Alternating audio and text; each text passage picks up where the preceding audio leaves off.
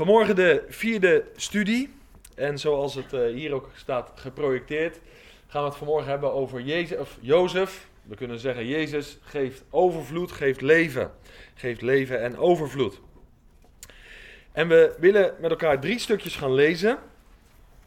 En we beginnen weer in Genesis. Vanmorgen in hoofdstuk 41 en dan het 50ste vers. Dus een beetje aan het einde van het hoofdstuk. Genesis 41, vers 50. En we denken dus na over het thema Jozef geeft leven en overvloed. En waar het vanmorgen om gaat, is dit dat de Heer Jezus uiteindelijk onze volle verzadiging wil zijn. Dat is samenvattend de boodschap. Je kan het overal in deze wereld zoeken, maar er is ten diepste niet, niets en niemand die ons echt verzadigen kan dan de Heer Jezus alleen. Dat is eigenlijk de kern van de boodschap. De Heer Jezus wil onze volle verzadiging zijn. We beginnen te lezen in vers 50 van Genesis 41. Jozef is niet alleen onderkoning, hij is ook getrouwd met een heidense vrouw, daar valt heel veel over te zeggen. Um, maar hij heeft inmiddels ook twee zonen gekregen. En dat is wel mooi om vanmorgen even te lezen met elkaar, vers 50.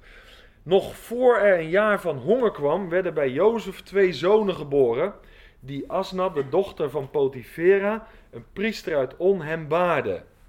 En Jozef gaf de eerstgeboorte de naam Manasse. Dan moet je even naar de betekenis kijken. Want, zei hij, God heeft mij al mijn moeite en heel mijn familie doen vergeten. Wonderlijke naam, vind je niet? Hij had wat meegemaakt.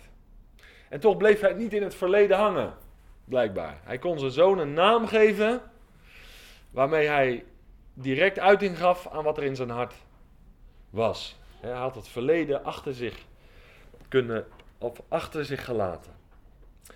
En de tweede gaf hij de naam Ephraim.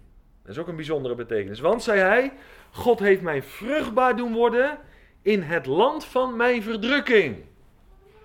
Over geestelijke groei gesproken. Het is een hele diepe dit. Het is een hele diepe. Hij heeft mij vruchtbaar doen worden in het land van voorspoed. Nee, dat staat er niet. In het land van mijn verdrukking. Dus hij groeide tegen de verdrukking in. En is dat niet de grote les van dit Bijbelstudieweekend? En ik durf er niet voor te tekenen, maar ik vrees dat het bij ons niet anders zal gaan. Dan dat verdrukking ons deel is en dat ondertussen de geestelijke vrucht zich gaat zetten. Meer en meer. Ik kies liever niet voor die combi, laat ik gewoon maar eerlijk zijn. Maar uit de Bijbel leer ik wel dat dat over het algemeen de weg is waarin de Heer zijn kinderen leidt. Vers 53. Toen eindigden de zeven jaren van overvloed die in het land Egypte geweest waren. En begonnen de zeven jaren van hongersnood te komen. Zoals Jozef gezegd had.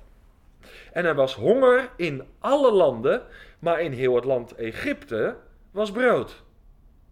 Toen ook heel het land Egypte honger kreeg, schreeuwde het volk bij de farao om brood. En de farao zei tegen alle Egyptenaren en heiden, begon te getuigen, ga naar Jozef en doe wat hij u zegt. Dat vind ik ook wel humor van de heren. Toen er honger in heel het land was, opende Jozef alle korenschuren, over overvloed gesproken, en verkocht koren aan Egyptenaren, want de honger werd sterk in het land Egypte. Uit alle landen, wil je dat even onderstrepen? Uit alle landen kwamen ze in Egypte bij Jozef koren kopen. Want de honger was in alle landen sterk. Toen Jacob zag dat er koren in Egypte was, zei Jacob tegen zijn zonen: Waarom kijken jullie elkaar aan? Zie je de verwarring? Ze zitten elkaar een beetje mee waren aan te kijken, die stoere kerels. Ze weten het ook even niet meer. Waarom kijken jullie elkaar aan?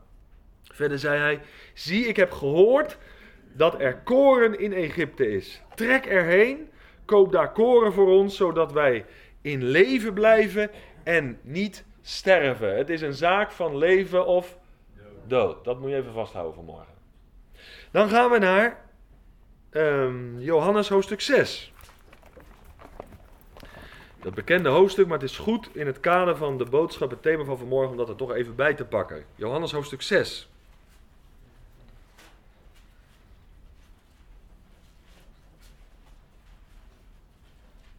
Het bekende hoofdstuk over het brood des levens. En daar heb je gelijk de typologie letterlijk voor je. Daar staat in vers 31. Onze vaderen, Johannes 6, vers 31, hebben het manna gegeten in de woestijn, zoals geschreven is. Hij gaf hun het brood uit de hemel te eten. Jezus dan zei tegen hen: Voorwaar, voorwaar, ik zeg u, niet Mozes heeft u het brood uit de hemel gegeven, maar mijn vader geeft u het ware brood uit de hemel. Want het brood van God is Hij, is dus een persoon, die uit de hemel neergedaald is en aan de wereld het leven geeft. En zij zeiden dan tegen hem, mooi hè, geef ons altijd dit brood. Hij voedt hen met honger. Hij prikkelt hen. Hij zet hen tot nadenken. En nou gaat het volk zelf vragen naar de persoon die voor hen staat. Dat is wonderlijk geweest. Want nou gaat hij zichzelf verklaren. Want wat zegt hij dan in vers 35? En Jezus zei tegen hen: Ik ben het brood des levens. Wie tot mij komt, zal beslist geen honger hebben. En wie in mij gelooft, zal nooit meer dorst hebben. Dus de Heer Jezus openbaart zich hier als het brood des levens. Ze hadden het altijd nog over Mozes. En ze hadden het altijd nog over het verleden. Ja, onze vaderen en Mozes en dat manna, zo geweldig. En de Heer Jezus zegt uiteindelijk hier tegen de scharen: Ik ben de vervulling van dat brood waar jullie het altijd over hebben. Hij staat voor je. Kijk, wij kennen die woorden toch? Misschien zijn dit wel de eerste teksten die je geleerd hebt. Maar dit was voor de scharen een openbaring en een confrontatie. Wie denkt hij wel niet te zijn? Dat hij zegt: Ik ben de vervulling van datgene wat jullie vader uit de hemel ontvingen. Ik ben de volle vervulling daarvan. Het gaat uiteindelijk om mij, niet om Mozes. Dat is iets geweest voor de scharen toen. Daar kunnen wij niet inkomen. Ik ben het. En dan vers, uh, hoofdstuk 10. Nog één vers. Daar spreekt de Jezus niet over ik ben het brood des levens, maar daar heeft hij het over ik ben de goede herder. En dan spreekt hij die wonderlijke woorden in Johannes 10, vers 10. De dief komt alleen maar om te stelen, om te slachten en om verloren te laten gaan. Allemaal negatief. Maar, zegt hij dan, ik ben gekomen opdat met als doel zij leven hebben en overvloed. Ik ben de goede herder en de goede herder geeft zijn leven voor de schapen. Opdat zij leven hebben en overvloed. Nou, tot zover deze inleidende gedeelte. Dit is goed om te beseffen van tevoren. Wat was het doel van Jezus komen naar deze wereld? Nou, dat was allereerst om zijn vader te verheerlijken. Zet dat altijd allereerst op de hoogste plek. Op de, geef dat, dat, is de belangrijkste reden waarom hij kwam. Om zijn vader te verheerlijken. Hij was in alles gericht op de verheerlijking van zijn vader. Maar we mogen vanmorgen ook tegen elkaar zeggen. Als het gaat om jou en mijn leven. Hij is gekomen om leven en overvloed te geven. En als je sommige christenen bekijkt, en dan gaat het er even niet om hoeveel je op je banksaldo hebt staan, dat bedoel ik niet. Maar als je sommige levens van christenen bekijkt, dan leven ze zeer karig. Dan leven ze ver onder de maat. En daarmee, en dat is belangrijk, geven ze een vertekend beeld van de Heer die ze hebben leren kennen, waar of niet? Als hij zegt, ik ben gekomen om leven te geven en overvloed, dan wil niet zeggen dat het mij economisch of qua gezondheid of, of, sociaal allemaal voor de wind gaat. Maar dat betekent dat hij gekomen is om mij een geestelijke volheid te geven. Even hoofdstuk 1. Zodat we eruit zullen gaan leven. En zodat er vanuit ons leven werfkracht uitgaat naar een verloren wereld. Dat we verschil maken. Maar als wij onder de maat leven, ja, dan gaat er ook niet zoveel van je uit. Ik moet zeggen, tot het moment dat ik tot geloof en bekering kwam, heb ik niet echt veel christenen gezien dat ik zei, nou, ik wil wel ruilen met je. Dan ging ik liever naar de Kuip in Rotterdam-Zuid. Begrijp je wat ik bedoel? daar had ik meer plezier en voldoening. Want ik zag weinig mensen die echt sprankelden. Het was wet op wet en regel op regel. Maar dat wat in Johannes 10 staat, ik ben gekomen om leven te geven in overvloed. Toen ik die mensen ontmoette die dat leven leefden, toen dacht ik, nou, als het ooit nog eens goed gaat komen in mijn leven, dan wil ik een leven zoals hij of zoals zij. Dat, dat spreekt me dan nog wel aan. Maar al die religie, die mag je van mij houden. Dat zegt me niks. Als ik ooit leven uit God ontvang, dan wil ik zo leven als hij. Dat is mooi, hè? En weet je, God zij dank, de Heer bracht broeders en zusters op mijn levenspad die dit leven van binnenuit kenden. Kijk, en dat triggerde mij. En ik hoop dat dat ook van mijn leven naar mijn kinderen uitgaat. Dat ze misschien zeggen, ja, het is een beetje een eigenaardige vader die we hebben. Maar uh, hij leefde wel uit de volheid van de Heer Jezus. Hij had het begrepen wat Johannes 10 staat. Ik ben gekomen om leven te geven en overvloed. Hij had veel niet, maar dat had hij wel. Nou, dat is toch het mooiste?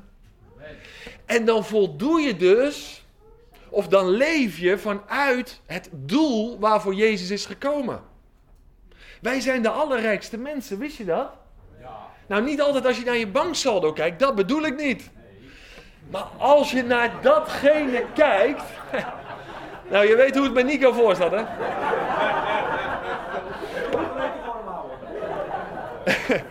maar, maar het gaat erom als je gaat kijken naar wat eeuwigheidswaarde heeft. Het is toch heel kortzichtig om te kijken wat je 80 jaar hier op aarde bezit.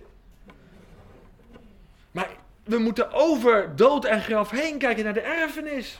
Nu al een voorsmaak, een onderpand, door middel van het ontvangen van de Heilige Geest, als, als aanbetaling. De Heer Jezus wist dat we twijfelmoedig waren. Hij zei, nou weet je wat, ik zal een beetje zekerheid geven. Ik geef je vast een onderpand. Hier heb je mijn geest. Geloof me, ik kom de rest ook na. Hoe weet je dat? Nou, hij heeft me zijn geest gegeven. Als aanbetaling. Dus je mag nou gerust leven dat de rest ook volgt. Nou, dat doe je ontspannen leven. En ik geloof dat de Heer Jezus gekomen is om jou en mij dat ontspannen leven te leren, aan te leren. Om dat niet alleen tussen je oren te hebben. Ik kom in heel veel samenkomsten, daar weten broeders en zusters veel meer dan ik. Die hebben een heel groot hoofd. Maar weet je, het gaat erom dat je een heel groot hart gaat krijgen. Dat je eruit gaat leven. Kennis alleen zegt mij niet zoveel.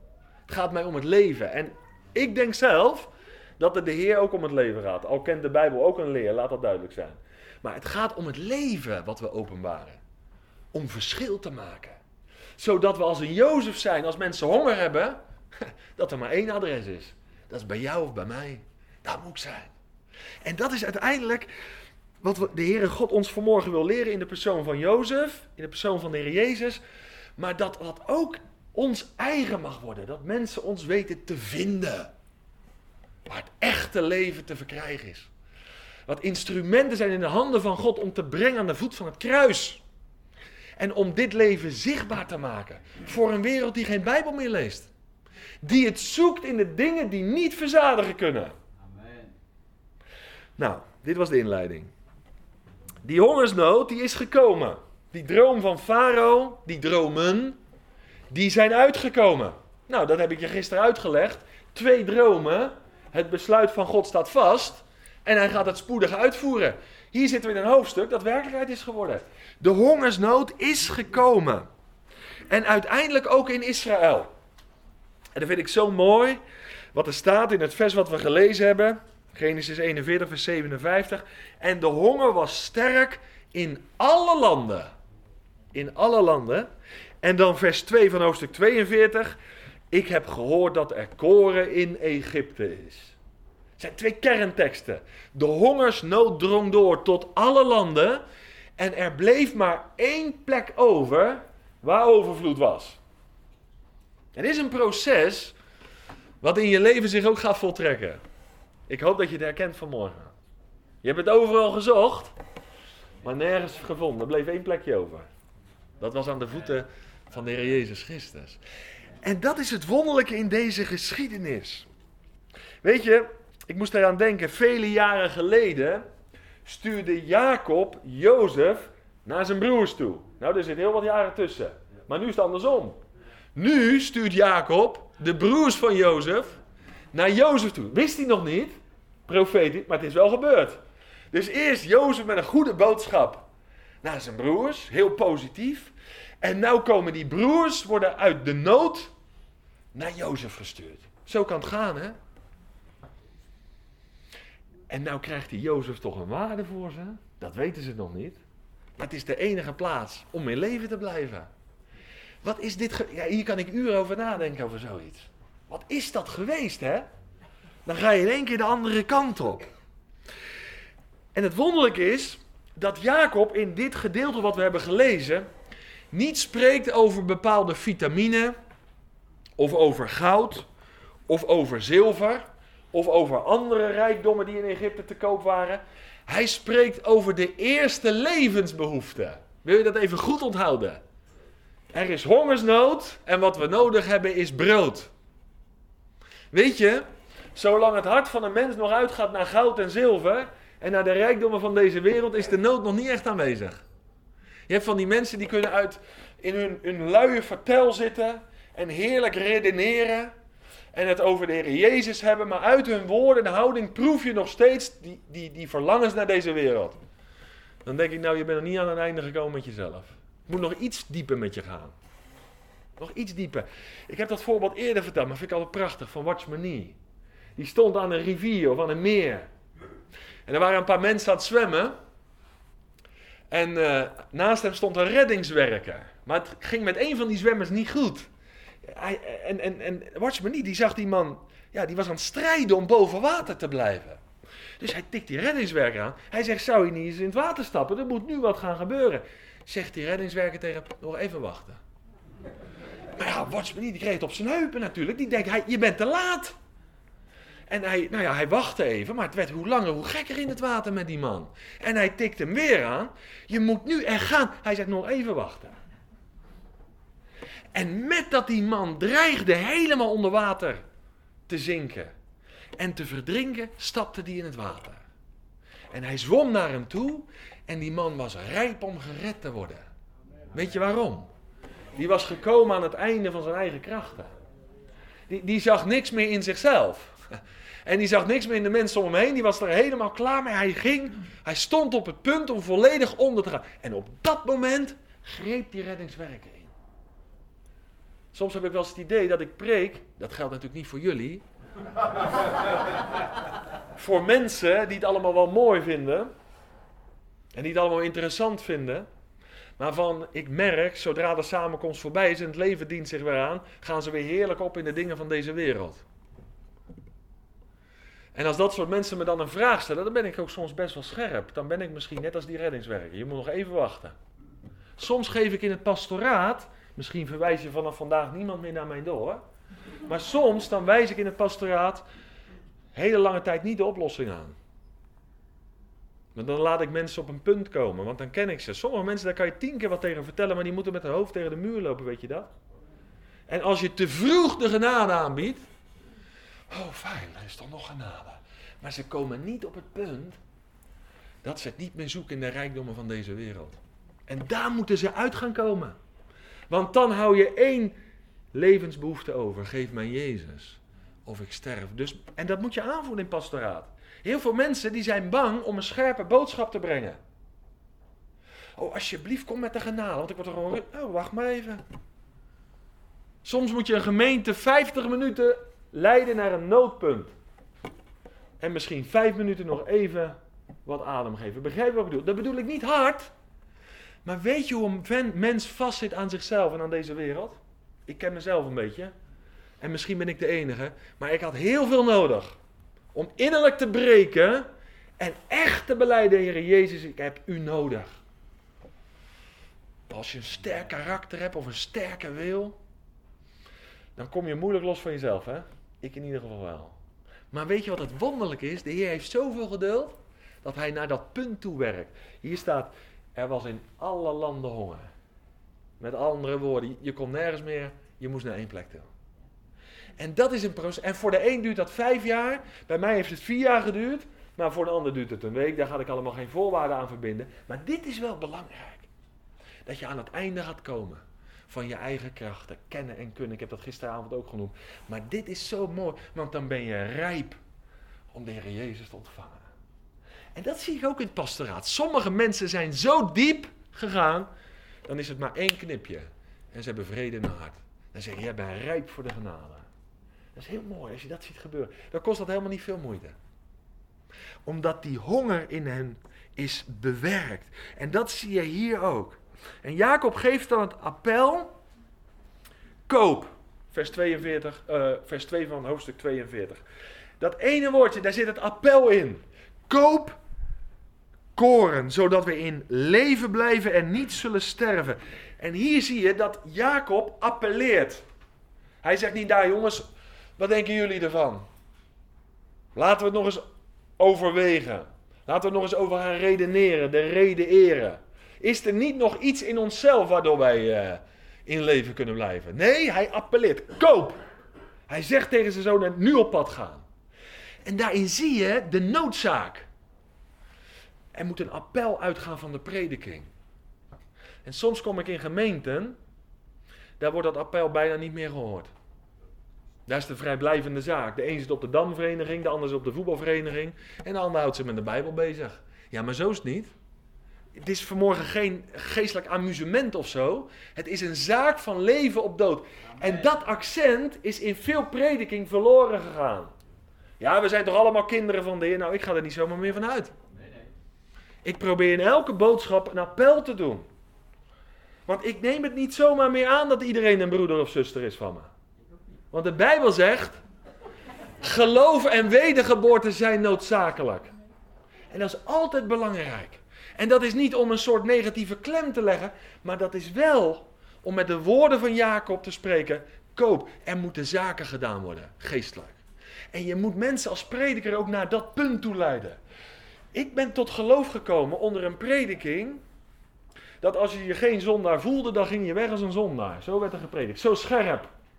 En als je de Heer Jezus kende, dan ging je weg als iemand die vrijgesproken was. Dat was ook heel duidelijk. Dus het was van 2-1.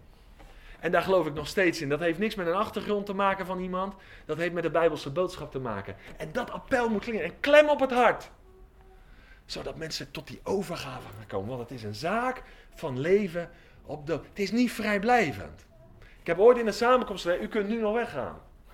Ik ga nu beginnen, u kunt nu nog weggaan. Want uw verantwoordelijkheid is na deze prediking groter als toen u de zaal binnenkwam. Dus zeg het maar.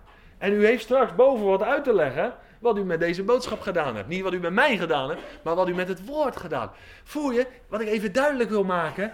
Uh, die broers die konden niet meer discussiëren met Jacob. Er lag een appel in. Koop, ga, ga uit. Het kostte dus ook inspanning om koren te verkrijgen. Kom je niet aanwaaien. De Bijbel zegt zoekt en je zal vinden. Klopt en u zal open gedaan worden. Dus mensen moeten ook aangezet worden. Aan het werk gezet worden. En vervolgens, als ze tot geloof gekomen zijn, dan mogen ze de zegeningen gaan ontdekken waar ze mee gezegend zijn. Maar het is een wisselwerking. God is de roepende en wij mogen daarop reageren. Nou, dan gaan we een stapje verder. Want die hongersnood is in alle landen uh, gekomen. En in alle landen is er dus nood. Maar als u een beetje thuis bent in de Bijbel, dan kent u de zeven brieven uit Openbaring 2 en Openbaring 3. Ik ben daar in een andere plaats mee bezig op dit moment.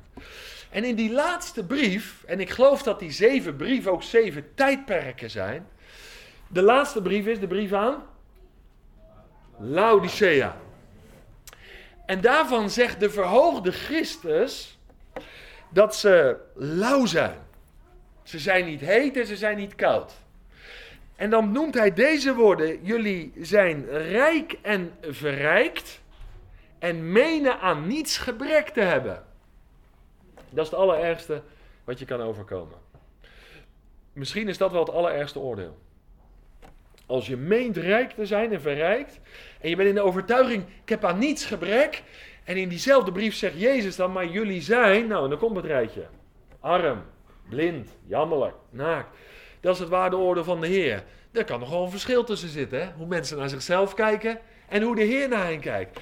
Maar wat is het probleem? Dat wil ik accentueren in het kader van de boodschap. Wat is het probleem van de laatste dagen? Mensen zijn rijk en verrijkt en hebben geen gebrek. En dit is misschien wel het, het, het grootste probleem vandaag, onze welvaart, heeft niet geleid tot welzijn. Het is schrikbarend als we gaan kijken naar het aantal echtscheidingen vandaag. Schrik niet, het getal onder jongeren dat vandaag zelfmoord pleegt, is nog nooit zo hoog geweest. En er is geen tijd geweest waarin er zoveel vrijheden en mogelijkheden zijn, toch? We hebben alles tot onze beschikking. En dat is iets dat zet mij vaak aan denken. We hebben alles tot onze beschikking, ook als jongeren. En de nood onder de jeugd is nog nooit zo groot geweest. Als de wetteloosheid toeneemt, zegt Jezus in de eindtijdreden, als de mens zichzelf tot norm wordt, dat bedoelt hij daar, zal de liefde van velen verkillen.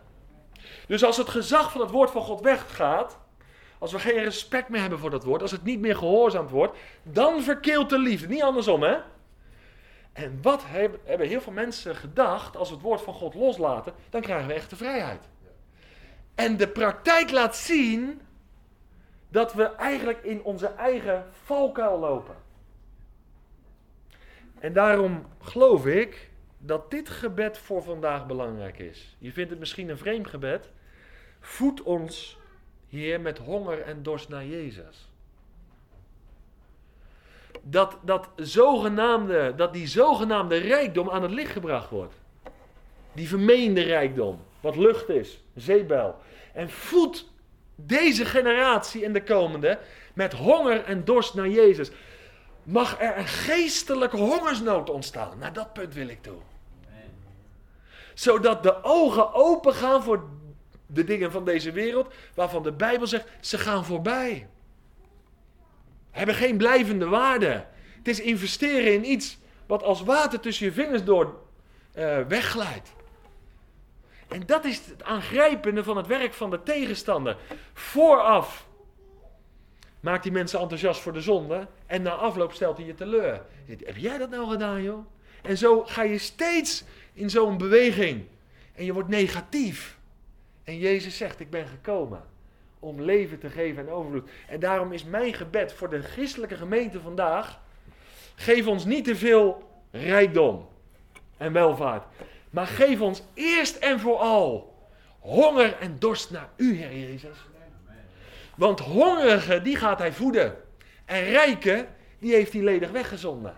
En ik vraag me wel eens af, en dat is een scherpe opmerking. In deze laatste dagen kan de Heer aan zijn gemeente nog wat kwijt. Heeft hij nog de ruimte om zijn hart met ons te delen? Want bij hem is genade op genade. Hij is niet veranderd. En Zack Poenen, die heb ik pas ook ergens aangehaald, ik weet niet meer waar, maar dat is voor mij een, een leraar die, waar ik heel veel onderwijs van ontvang. Hij zegt, ik wil niet straks bij de Heer aankomen dat er nog beloftes openstaan die voor mij bestemd waren, die ik niet in bezit heb genomen. Vond ik een mooie van hem. Alles wat hij voor mij klaar heeft liggen, wil ik in bezit nemen. Hier al, niet straks hier al. Dat is een mooi, hè? Dat is een broeder naar mijn hart. Uh, ken je Oswald Chambers? Die heeft een boek geschreven. De Nederlandse titel luidt geheel voor hem, maar doe een beetje afbreuk aan de oorspronkelijke titel. De oorspronkelijke titel luidt: Het uiterste van mij voor het hoogste van hem. Dat is het. En als je zo leeft, dan ervaar je als het ware een voortdurende, positieve, geestelijke hongersnood, die jou altijd brengt aan de voeten van de Heer Jezus. En die jou voortdurend doet groeien. Dat is mooi. Je merkt, en dat bedoel ik niet om te slijmen, maar ik merk dit weekend dat ik het woord kwijt kan. En daar kan je, ik had het gisteren nog even met Gellius daarover. Je voelt soms in de gemeente dat je het woord niet kwijt kan.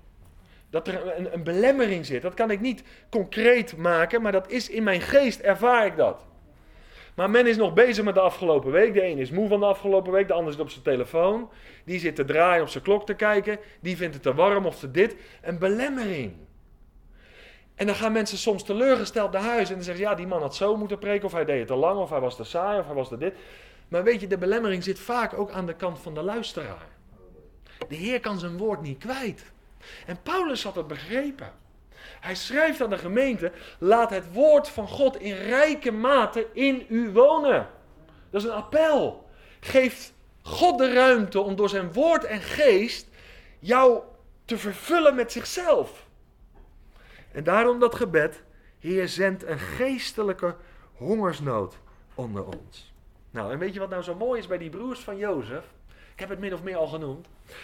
Uh, jaren geleden had Jozef niet zoveel waarde voor ze, toch? Ik heb het je genoemd, 20 zilverstukken. Dat was de prijs van een jonge slaaf. Dat ben je waard, Jozef.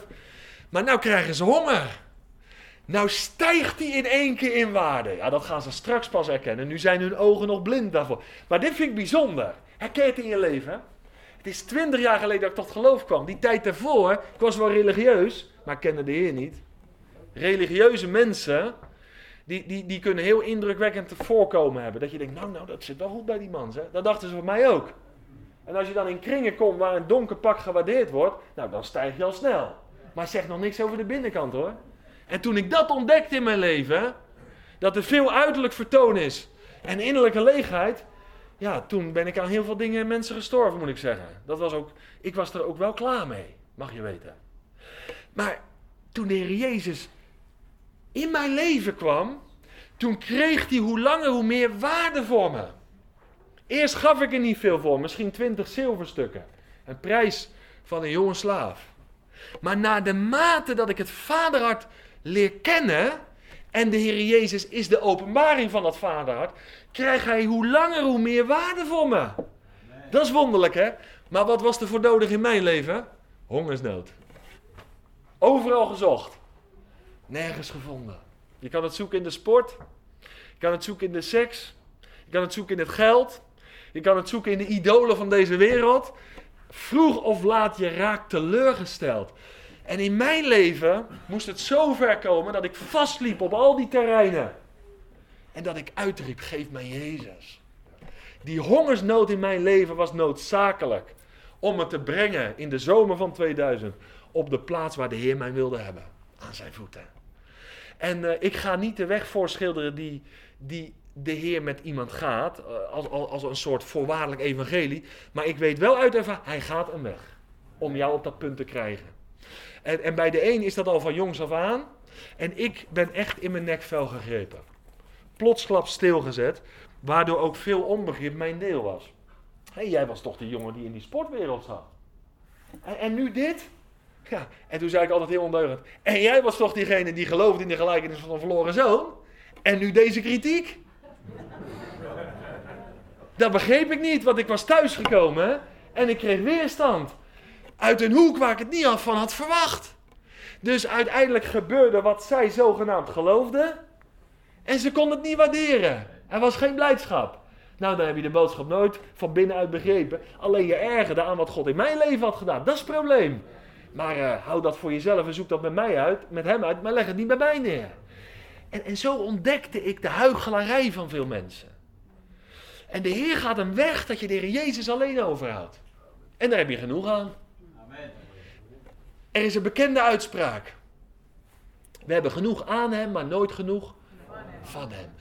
En dat is wat de Heer voedt. Voed ons met honger en dorst naar u toe. Nou, in zowel uh, het, nieuwe, het, het Oude Testament als het Nieuwe Testament zie je dat de Heer met Israël, maar ook met individuele gelovigen, met de gemeente, steeds die weggaat dat er een honger ontstaat naar Hem toe. Dat als ze afdwalen, dat ze vastlopen in hun afdwaling. Daar ben je toch ook wel dankbaar voor? Dat de Heer soms laat vastlopen, zodat je weer bij Hem uitkomt. En weet je, Hij is zo creatief hoe hij jou laat vastlopen bij mij. Echt, heel creatief. Geloof me, er was een iemand, er worden over mij ook allerlei verhalen verteld, maar er ging een roddel langs. Die jongen die gaat nog een keer vastlopen. Alsof mensen dat moeten zeggen over mij. Denk je dat hij die in de hemel zit niet weet hoe die mij vast moet laten lopen? Maar, zulke vreemde dingen worden er soms gezegd. Maar weet je wat het vaak mee te maken heeft? Met jaloezie, dat is de oerzonde. De Heer is zo creatief. Hij wist de broers van Jozef vast te laten lopen. Om uiteindelijk bij Jozef uit te komen. En laat dat vastlopen nou aan de Heer over. Maar je mag wel bidden. Ik bid soms voor mensen, Heer, laat hem vastlopen. Ga ik niet tegen die persoon zeggen, maar laat hem vastlopen. En soms hoor je wel eens na een half jaar getuigenis, joh, ik ben toch vastgelopen? Ik, en ik ben dan geneigd, maar dan moet mijn mond uit. Het verbaast me niet. Dat ga ik niet zeggen. Maar, maar dat is wonderlijk. Soms kan je bidden voor iemand. En na zoveel tijd zie je dat die persoon vastloopt. Dat is dat samen, samenwerken met dit. Wij zijn Gods medearbeiders.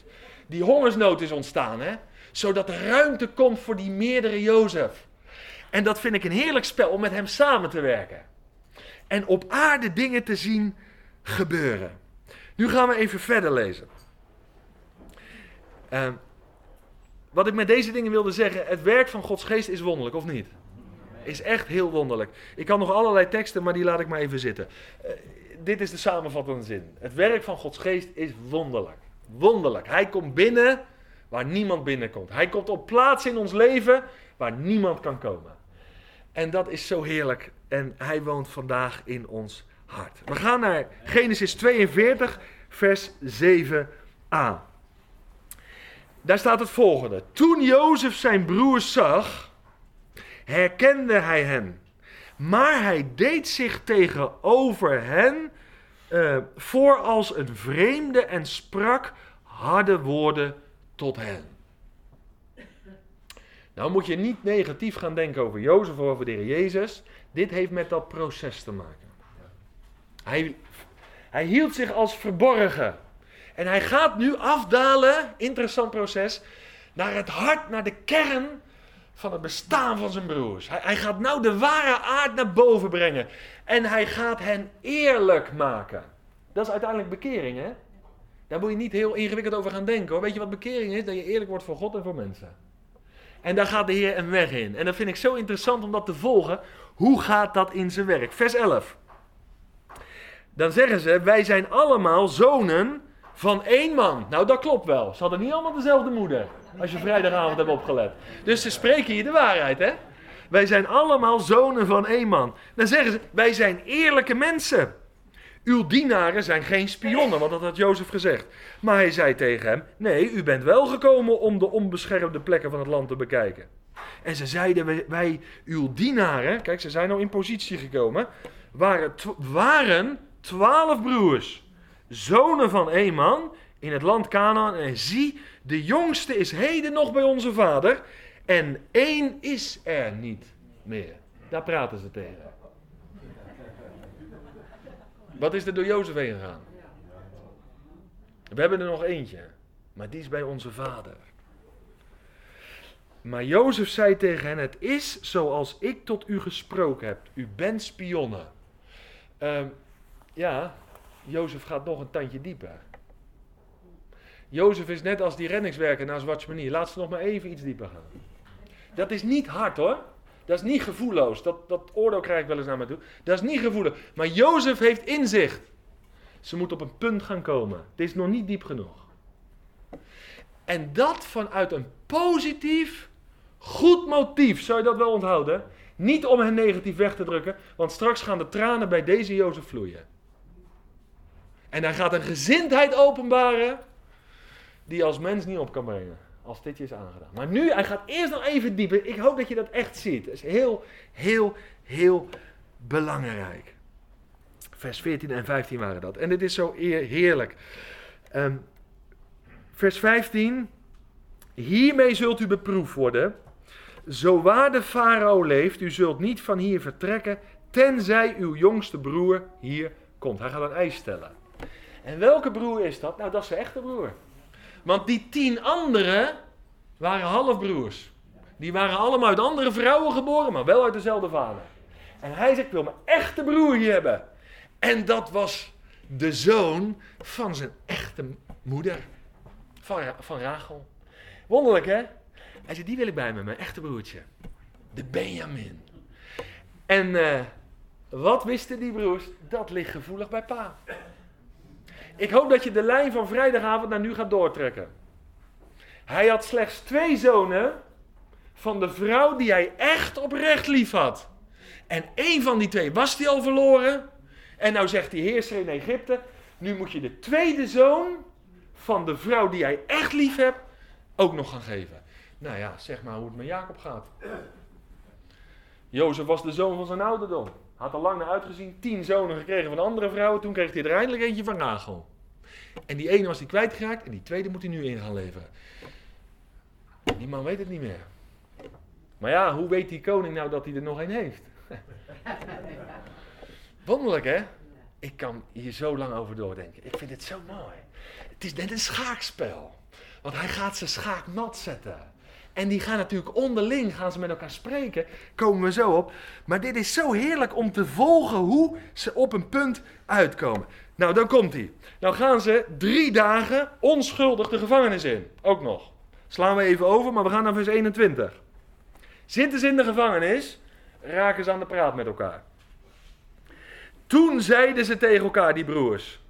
Nou zijn ze op punt gekomen. Hè? Het is goed dat Jozef nog iets dieper ging. Want wat zeggen ze? Werkelijk, wij zijn schuldig vanwege onze broer.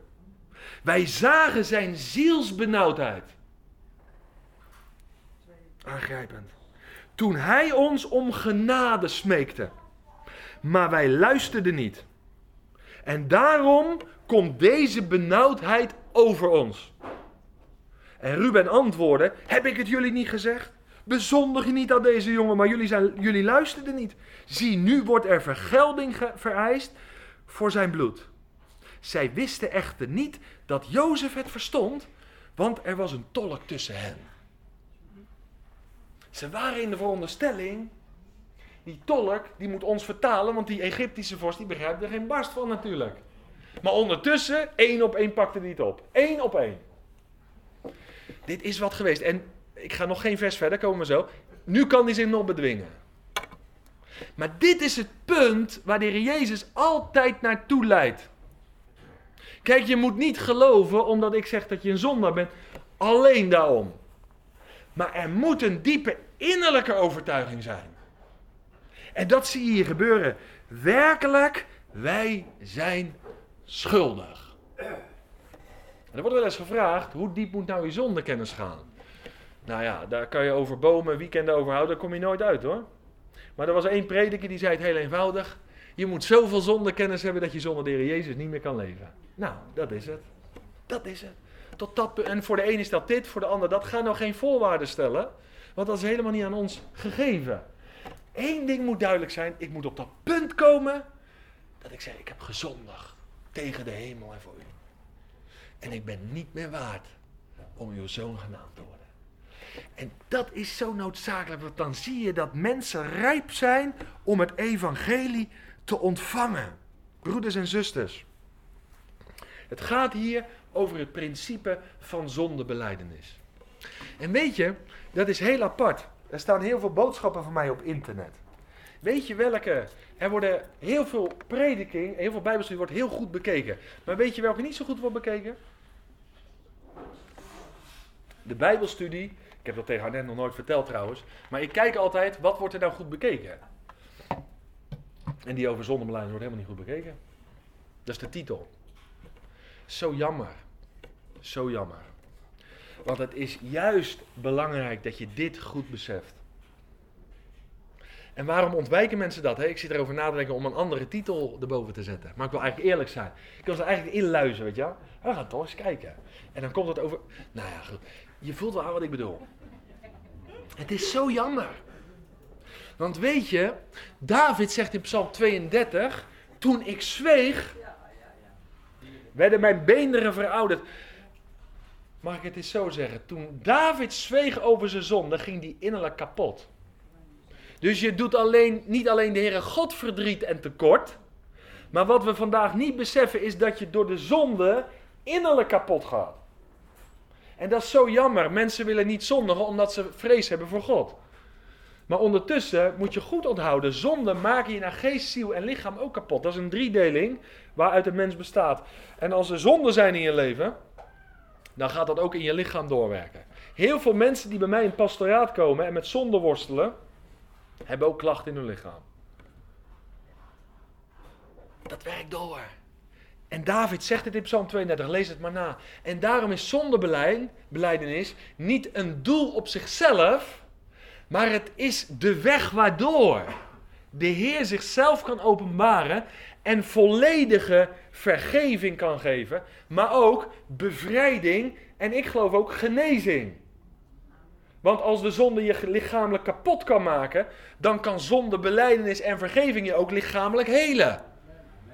Sommige mensen zeggen, ik ben een heel nieuw mens geworden. Het voelt, ik, ik ben gewoon, sta anders in het leven, nou, dat begrijp ik ook wel. Je zonde zijn. Ja, maar dat heeft toch niks met mijn lichaam en mijn leven? Jawel, dat werkt door. En dat is het aangrijpende van de Satan. Hij wil je kapot maken. Ik heb het gelezen, Johannes 10, hij is er gekomen om te verderven. Om, om, om, om, om nou ja, laten we maar niet over hem spreken. Maar Jezus kwam om leven en overvloed te geven. En daarom is zondebeleidnis zo van wezenlijk belang. Weet je wat beleiden betekent? Beleiden in de Bijbel betekent hetzelfde zeggen. Weet je wat zondebeleiden is? Zondebeleiden is dat je hetzelfde gaat zeggen en denken over zonde zoals God erover denkt. Vandaag zeggen ze, uh, hè, neem nou even heel de LHBTG, nou ja, die beweging. Ja, dat moet je allemaal plaatsen in, in de cultuur. Romeinen 1 was, was voor die tijd. Dus we gaan de dingen relativeren. We gaan geen zonde beleiden, zeggen wat God zegt.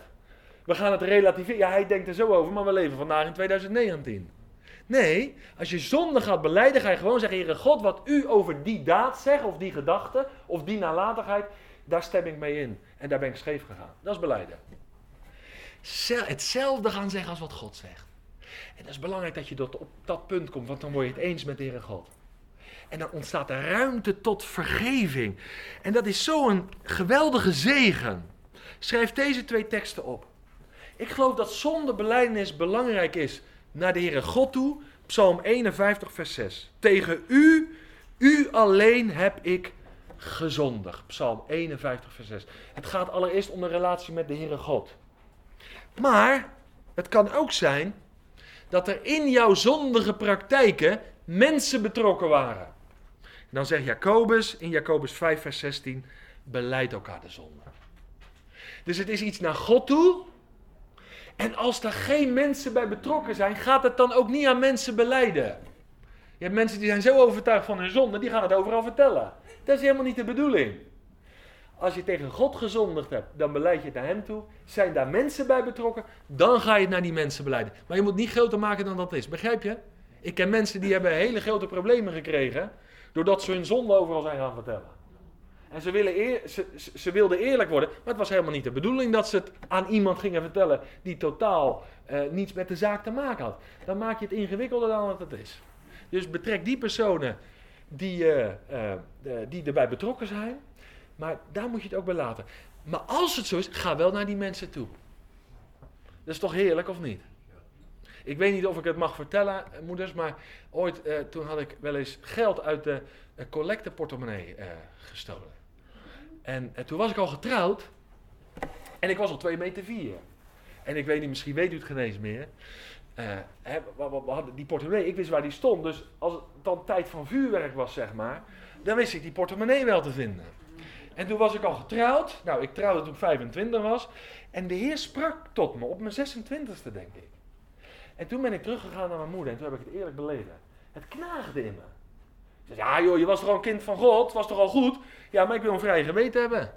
Ik wil niet belemmerd en neergedrukt worden. Dus ik ben teruggegaan. En ik heb het eerlijk verteld. Wat heerlijk hè? Wie zijn zonde beleidt en laat, die zal de zegen van de Heer ontvangen.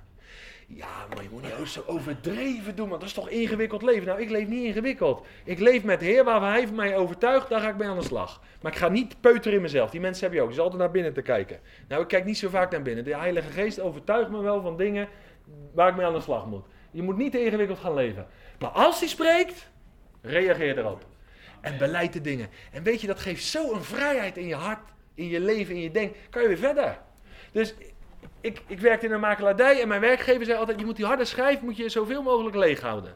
Nou, dat doe ik ook als het gaat om de zonde. Gewoon schoon schip, heb je weer wat ruimte op je harde schijf, kan je weer verder. En dat is een heerlijk leven. En ik weet dat er één in de hemel zit die daar een heerlijke belofte aan verbonden heeft. Dat als wij onze zonde beleiden, God is getrouw en rechtvaardig, dat hij ons de zonde vergeven. Dat, dat is een heerlijke belofte. Dus het is niet dat ik nou een ingewikkelde boodschap breng over zonderbeleid. Nee, daar hangt een heerlijke belofte aan. Die is eraan verbonden. Waarom?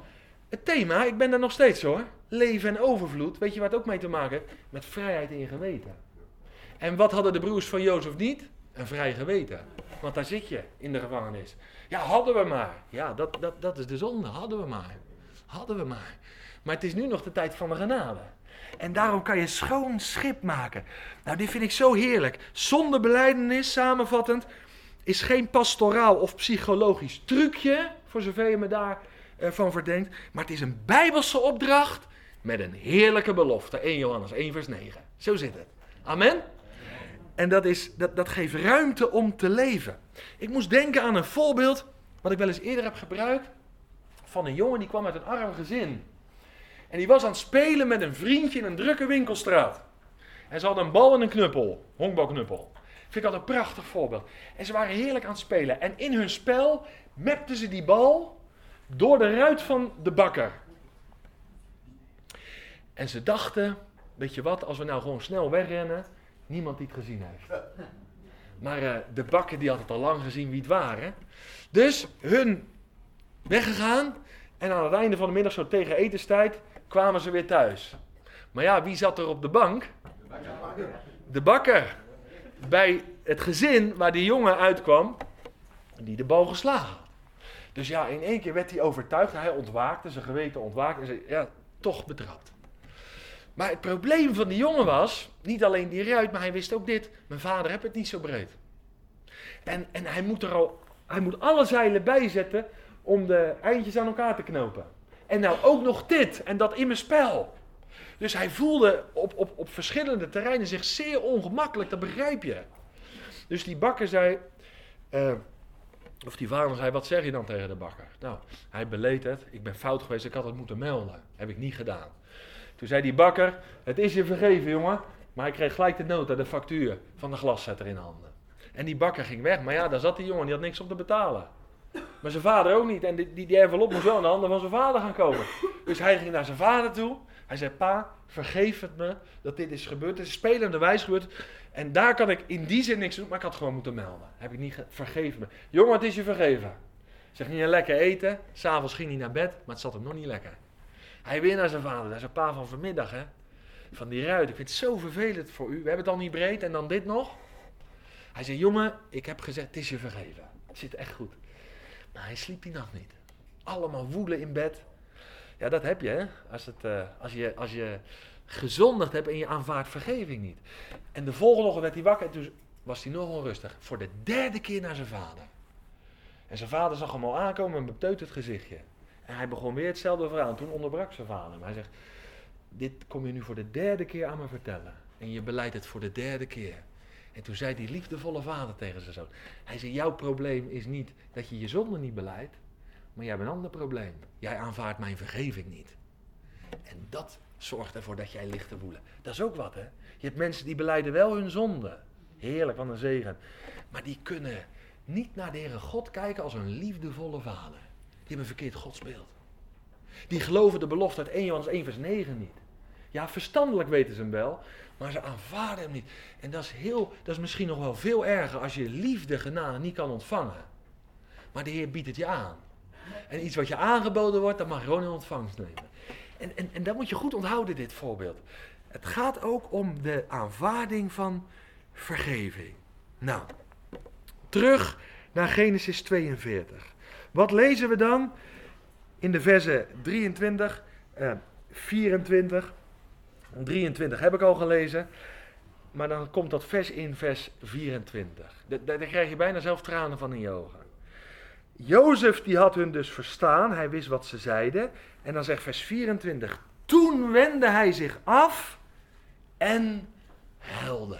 Vind je dat niet mooi? Dat is het evangelie. Iedere zondaar die bij Jezus komt. En die bereid is om eerlijk te zijn naar God toe en naar mensen toe. Mag ik het eens zo zeggen, heel eenvoudig. De Heer Jezus begint spontaan te huilen. Want je bent op dat punt gekomen. Dat hij je echt kan gaan helpen. Nou kan hij echt, mag ik het eens zo zeggen, zijn kwaliteit gaan tonen. Nou, nou kan hij zijn hart nog meer aan je openbaren. En er is dus blijdschap over één zondaar die zich. Je kan huilen van verdriet, hè? Maar je kan ook huilen van blijdschap. Ik denk dat bij Jozef een combinatie was. Hij huilde van verdriet, want alles, het verleden kwam weer open. Dat is niet makkelijk. Maar hij huilde ook van blijdschap dat mijn broers nog op dit punt zouden komen. En hij wendde zich af. Misschien wilde hij zijn tranen nog niet tonen, maar zijn gemoed was vol, hè? Dit is toch bijzonder, of niet? Heb je zoals naar de Heer Jezus gekeken? Tranen van verdriet. Want het zijn onze zonden die hem aan het kruis genageld hebben. Tranen van blijdschap. Hij komt op dat punt waar ik hem zo graag wil hebben. En had een hele weg. Er moest hongersnood komen om daar te krijgen. Maar goed, hij is er wel gekomen. En dat is blijdschap in het hart van Jozef. Nou, dit vind ik zo'n heerlijke tekst. Zo'n tekst, zo'n zinnetje, die asseer ik in mijn Bijbel. Dus als je over tien jaar, en de Heer is nog niet terug, in dat stukje kijkt, dan zeg je denken, hé, hey, dat sprak me, soms zeg ik er wel eens een datum bij. Dat sprak me toen aan. En Jozef huilde. Hij weende, het raakt hem tot in het diepste van zijn hart. Nou ga ik beginnen aan het laatste stuk. Ik heb niet voor niks gelezen Johannes 6. Daar wil ik mee afsluiten. Of nee, je hoeft daar niet naartoe te bladeren. Jullie bladeren naar Exodus 12. Of 16, sorry, 16. Maar Johannes 6 gaat over Exodus 16. Want de Heer Jezus, die openbaart zich aan de scharen als het brood des levens. En dat is zo heerlijk, dat is zo'n geweldige geschiedenis. Hij spreekt over Mozes. Nou ja, daar waren ze wel enthousiast over, hè? Mozes, ja. Mozes, dat is de man van God. Hij sprak over manna. Ja, dat vertellen onze vertelden onze vaderen. Het is binnenkort weer Loofhuttenfeest. En het is een prachtig feest. Ik heb wel zo'n loofhut in mijn tuin gebouwd. En dan gingen we als gezin erin eten. En dan vertellen over de geschiedenis van Israël. Uh, en dan vertellen over de grote werken van God. Dat is Loofhuttenfeest. Dus dat je je, je, je je kinderen meeneemt naar datgene wat God in het verleden heeft gedaan. Soms moet je het verleden vergeten. Paulus zegt, vergeet de dingen die achter je liggen. Achter je zijn, hè, van het verleden. Soms moet je dingen afsluiten. Maar soms moet je aan dingen denken. En vooral aan de grote daden van God. Nou, wat wist de schare? Die wist van de grote daden van God. De bevrijding uit Egypte. De zorg van God over zijn volk in de woestijn. En het aankomen in het beloofde land. En dat werd van generatie op generatie doorverteld. De grote werken van God. Psalm 78. En de Heer Jezus zegt, heel die bevrijding, heel die tocht door de woestijn en het binnenkomen in Canaan, dat is de weg die jullie ook moeten gaan. Niet letterlijk, niet heel praktisch, fysiek, maar geestelijk. De weg van geestelijke bevrijding uit het slavenhuis uit Egypte. Leren leven uit mijn hand. Overvloed. Je laten leiden door de wolkolom en de vuurkolom, de Heilige Geest. Met het uitzicht op het beloofde land. Want wat ik beloofd heb, dat ga ik ook vervullen. Zie je dat? De Heer Jezus zegt, heel die, die, die, die, die fysieke tocht, die moet je ook geestelijk mee gaan maken. En ik ben de vervulling van al die beelden die jullie vader ontvangen hebben. En het is goed dat ze die doorgegeven hebben. Waarom? Omdat de God van het verleden de God van het heden is. Hij is dezelfde. Amen. En dan zegt hij ergens zo mooi: Jullie vaderen zijn gestorven. Mooie woordspeling, hè? Ze hebben wel mannen gegeten, maar ze zijn toch gestorven. Maar wie van mij eet en wie mij, die sterft niet meer. Ja, de eerste dood nog wel, zegt het boek Openbaring. Dat kan althans, als de Heer nog niet is teruggekomen. De eerste dood sterf je nog wel als gevolg van de zonde. Maar de tweede dood, zegt de Openbaring, die zou je niet meer raken. Met andere woorden, dat aardse manna, wat wel uit de hemel kwam, daar sterf je nog. Na, na, na, dat eten van, na het eten van dat manna sterf je. Maar wie Jezus tot zich neemt, wie hem eet, wie hem drinkt, en dat is vandaag heel bijzonder door het woord. En wie dat beaamt en gelooft en daarop vertrouwt, die leeft tot in eeuwigheid. Daarom moet je ook vandaag, vandaag nooit meer zeggen, als er een gelovige, een christen overleden is, ja, Kees is dood. Vind ik altijd, ik vind het sowieso al koud klinken, hè? Maar het klopt ook niet. ik begrijp het, Kees.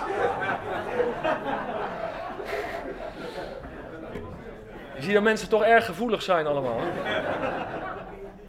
Soms zeggen mensen wel eens, je moet wat voorzichtiger zijn in wat je zegt. Nou, bij deze. Maar je begrijpt wat ik bedoel. We zeggen niet meer, Kees is dood. Kees is over lijden heen geteeld. Want hij heeft gegeten van het hemelse manna. Waardoor hij de eerste dood nog wel door moest, maar de tweede dood zal hem niet meer raken. Hij heeft uitzicht op eeuwig leven. En dat is zo rijk. Nou, waarom naar Exodus 16? En ik ga daar proberen mee af te sluiten. In Exodus 16 staat die geschiedenis over het manna. En we spreken over Jozef, hij geeft leven en overvloed. De Heer Jezus bood zich aan als de volle verzadiging. Nou ga ik vijf principes noemen, wat van belang is om dat manna tot je te nemen. Het is heel eenvoudig, maar als je dit praktiseert, is wel heel rijk. Exodus hoofdstuk 16. Instructies hoe en wanneer je het manna kan verzamelen. Het zijn vijf basisprincipes. Het eerste lezen we in Exodus 16, vers 12 en 13. Daar gaan we. Blijf erbij. Ik heb het gemoor van de Israëlieten gehoord. Spreek tot hen en zeg tegen het vallen van de avond zult u vlees eten.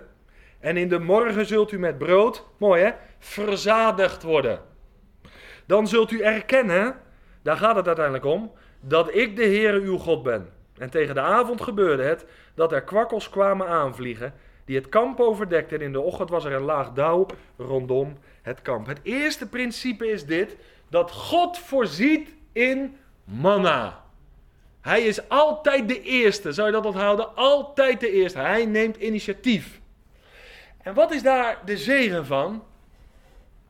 Dat het ook voor iedereen te verzamelen is. Hij geeft vanuit de hemel.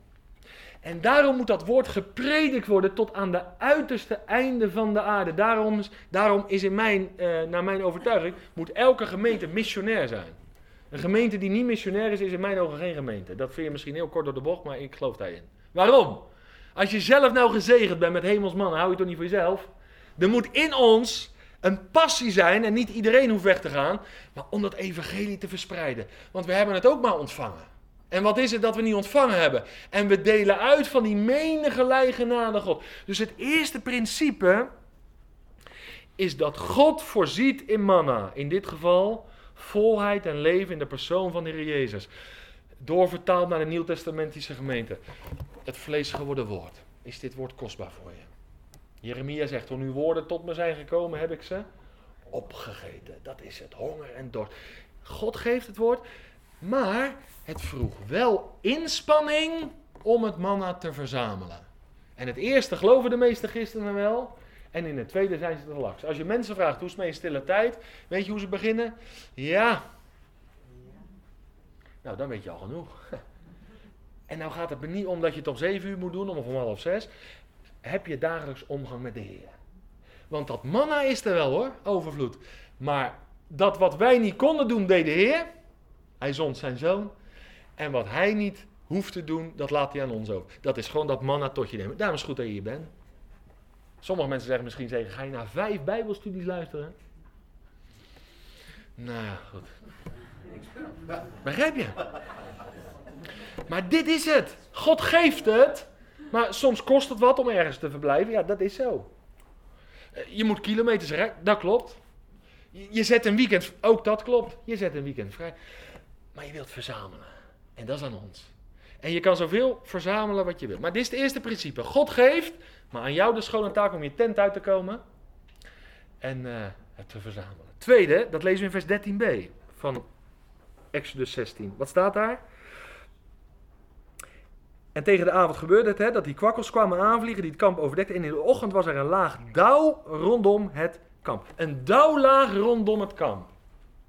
Dat betekent dat je het niet direct altijd zag liggen. Als ik mijn kinderen naar school breng en er is een dauwlaag, dan moet ik altijd denken aan deze geschiedenis.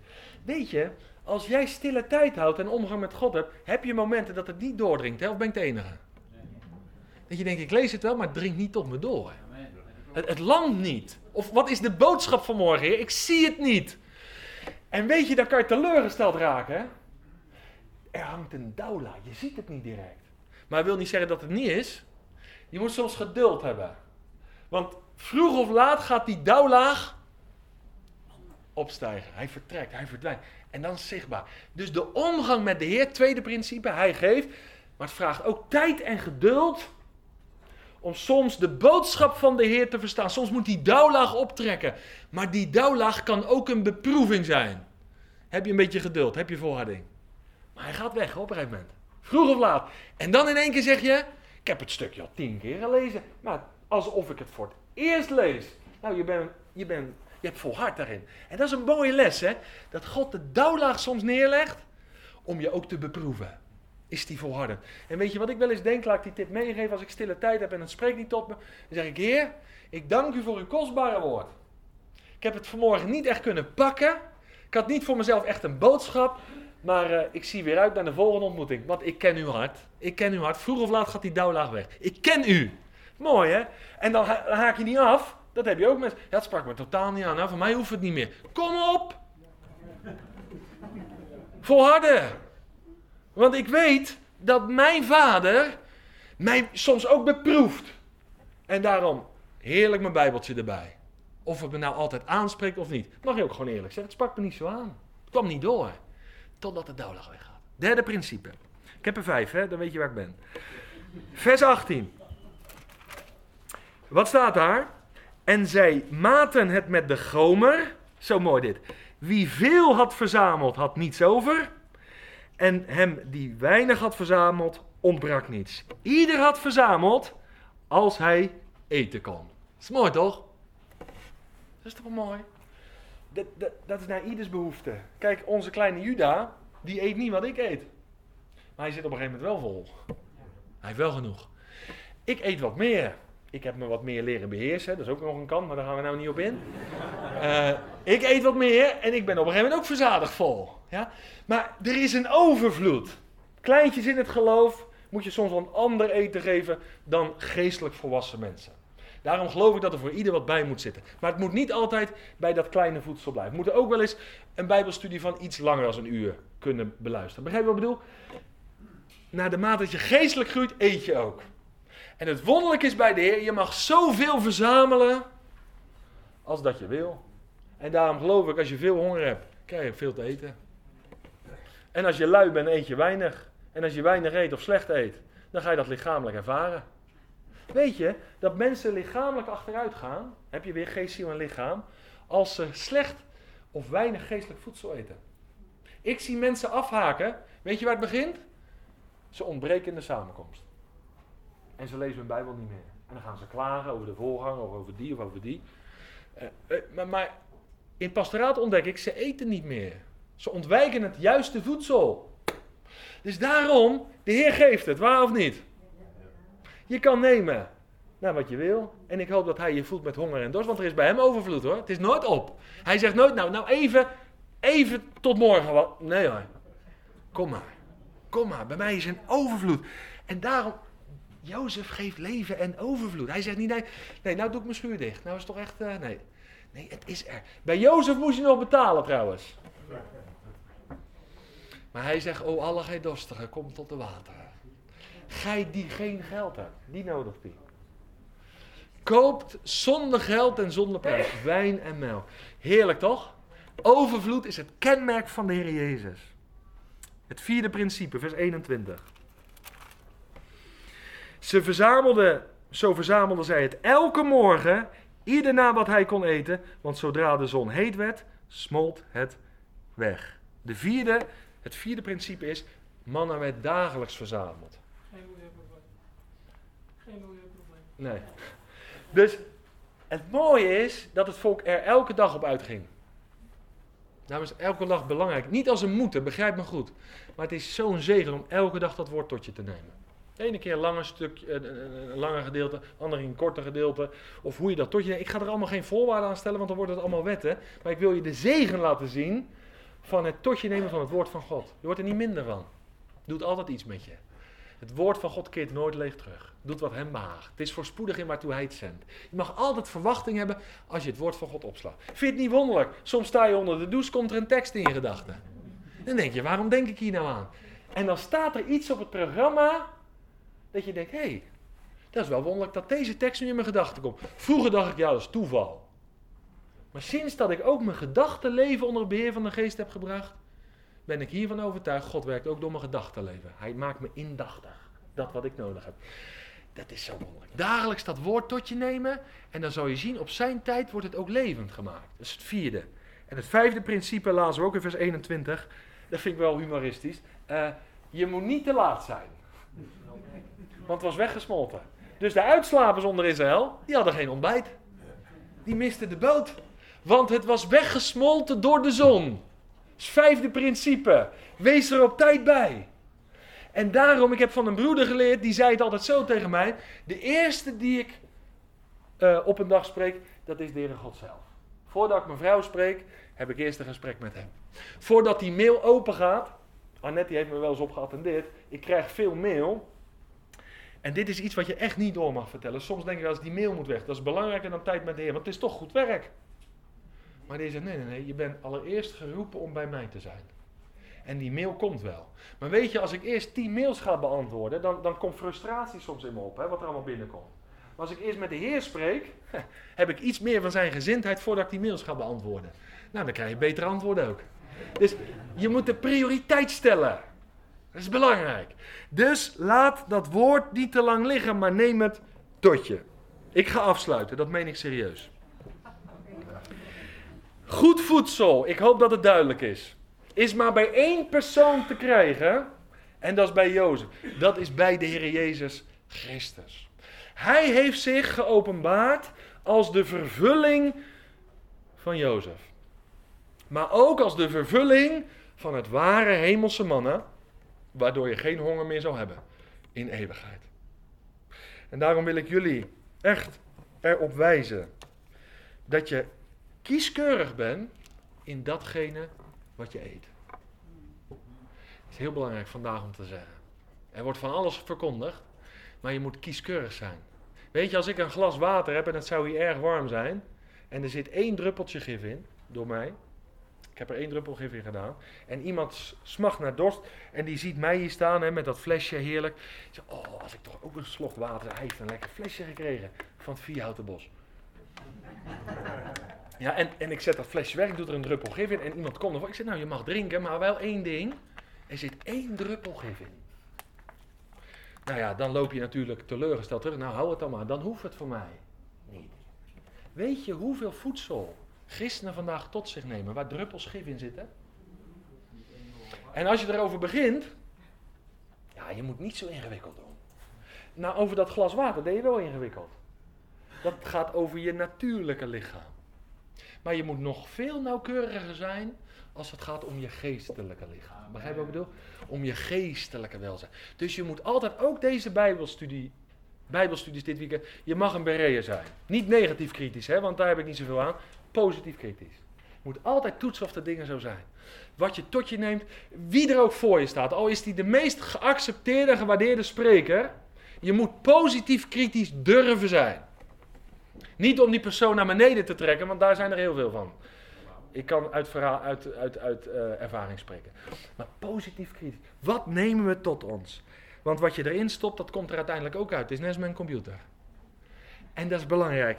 De eerste ziel, zeg ik altijd, die aan je zorgen zijn toevertrouwd, dat is je eigen ziel. En als je voor je eigen ziel niet kan zorgen, dan kan je het ook niet voor een ander. Daarom eis ik altijd van mensen die in het pastoraat komen, hoe is je leven? Niet wat weet je, hoe is je leven? Want als ik een ander ga helpen, terwijl ik zelf het spoor bijster ben, dan leidt de blinde lammen. Als ik me als pastoraal werken met verkeerde dingen inlaat en mijn voet met verkeerd voedsel, dan ben ik een brug om dat voedsel te brengen daar, bij die ander, die je ook verontreinigt. Begrijp je? Dus het is belangrijk om zo te leven voor de Heer. Rein en zuiver. Laat elkaar stimuleren en helpen. Om ons te voeden met de waarheid. En het heerlijke is, dat is een beetje een slogan geworden van mij in mijn bediening. Waar je mee omgaat, daar word je mee besmet. Want de Heer heeft maar één oogmerk met het juiste voedsel. Als je Jezus tot je neemt, dan wordt Hij deel van jouw leven. En God verandert je door woord en geest van heerlijkheid tot heerlijkheid. En dat is het uiteindelijke doel. Dat de Vader zijn zoon in jou en mij terug gaat zien. Wat een heerlijk werk, hè? Ik hoop dat je lekker gegeten hebt vanmorgen. En dat de Heer dit heeft opengemaakt. Niet alleen voor je denken, maar ook voor je hart. Hè? Openbaringskennis. En dat je zegt, dit smaakt me. Als je ooit lekker gegeten hebt, dan zeg je toch, daar ga ik nog eens naartoe terug. Lekker gegeten. Leven en overvloed is het kenmerk van onze Heer en Heiland. Zullen we hem daarvoor danken?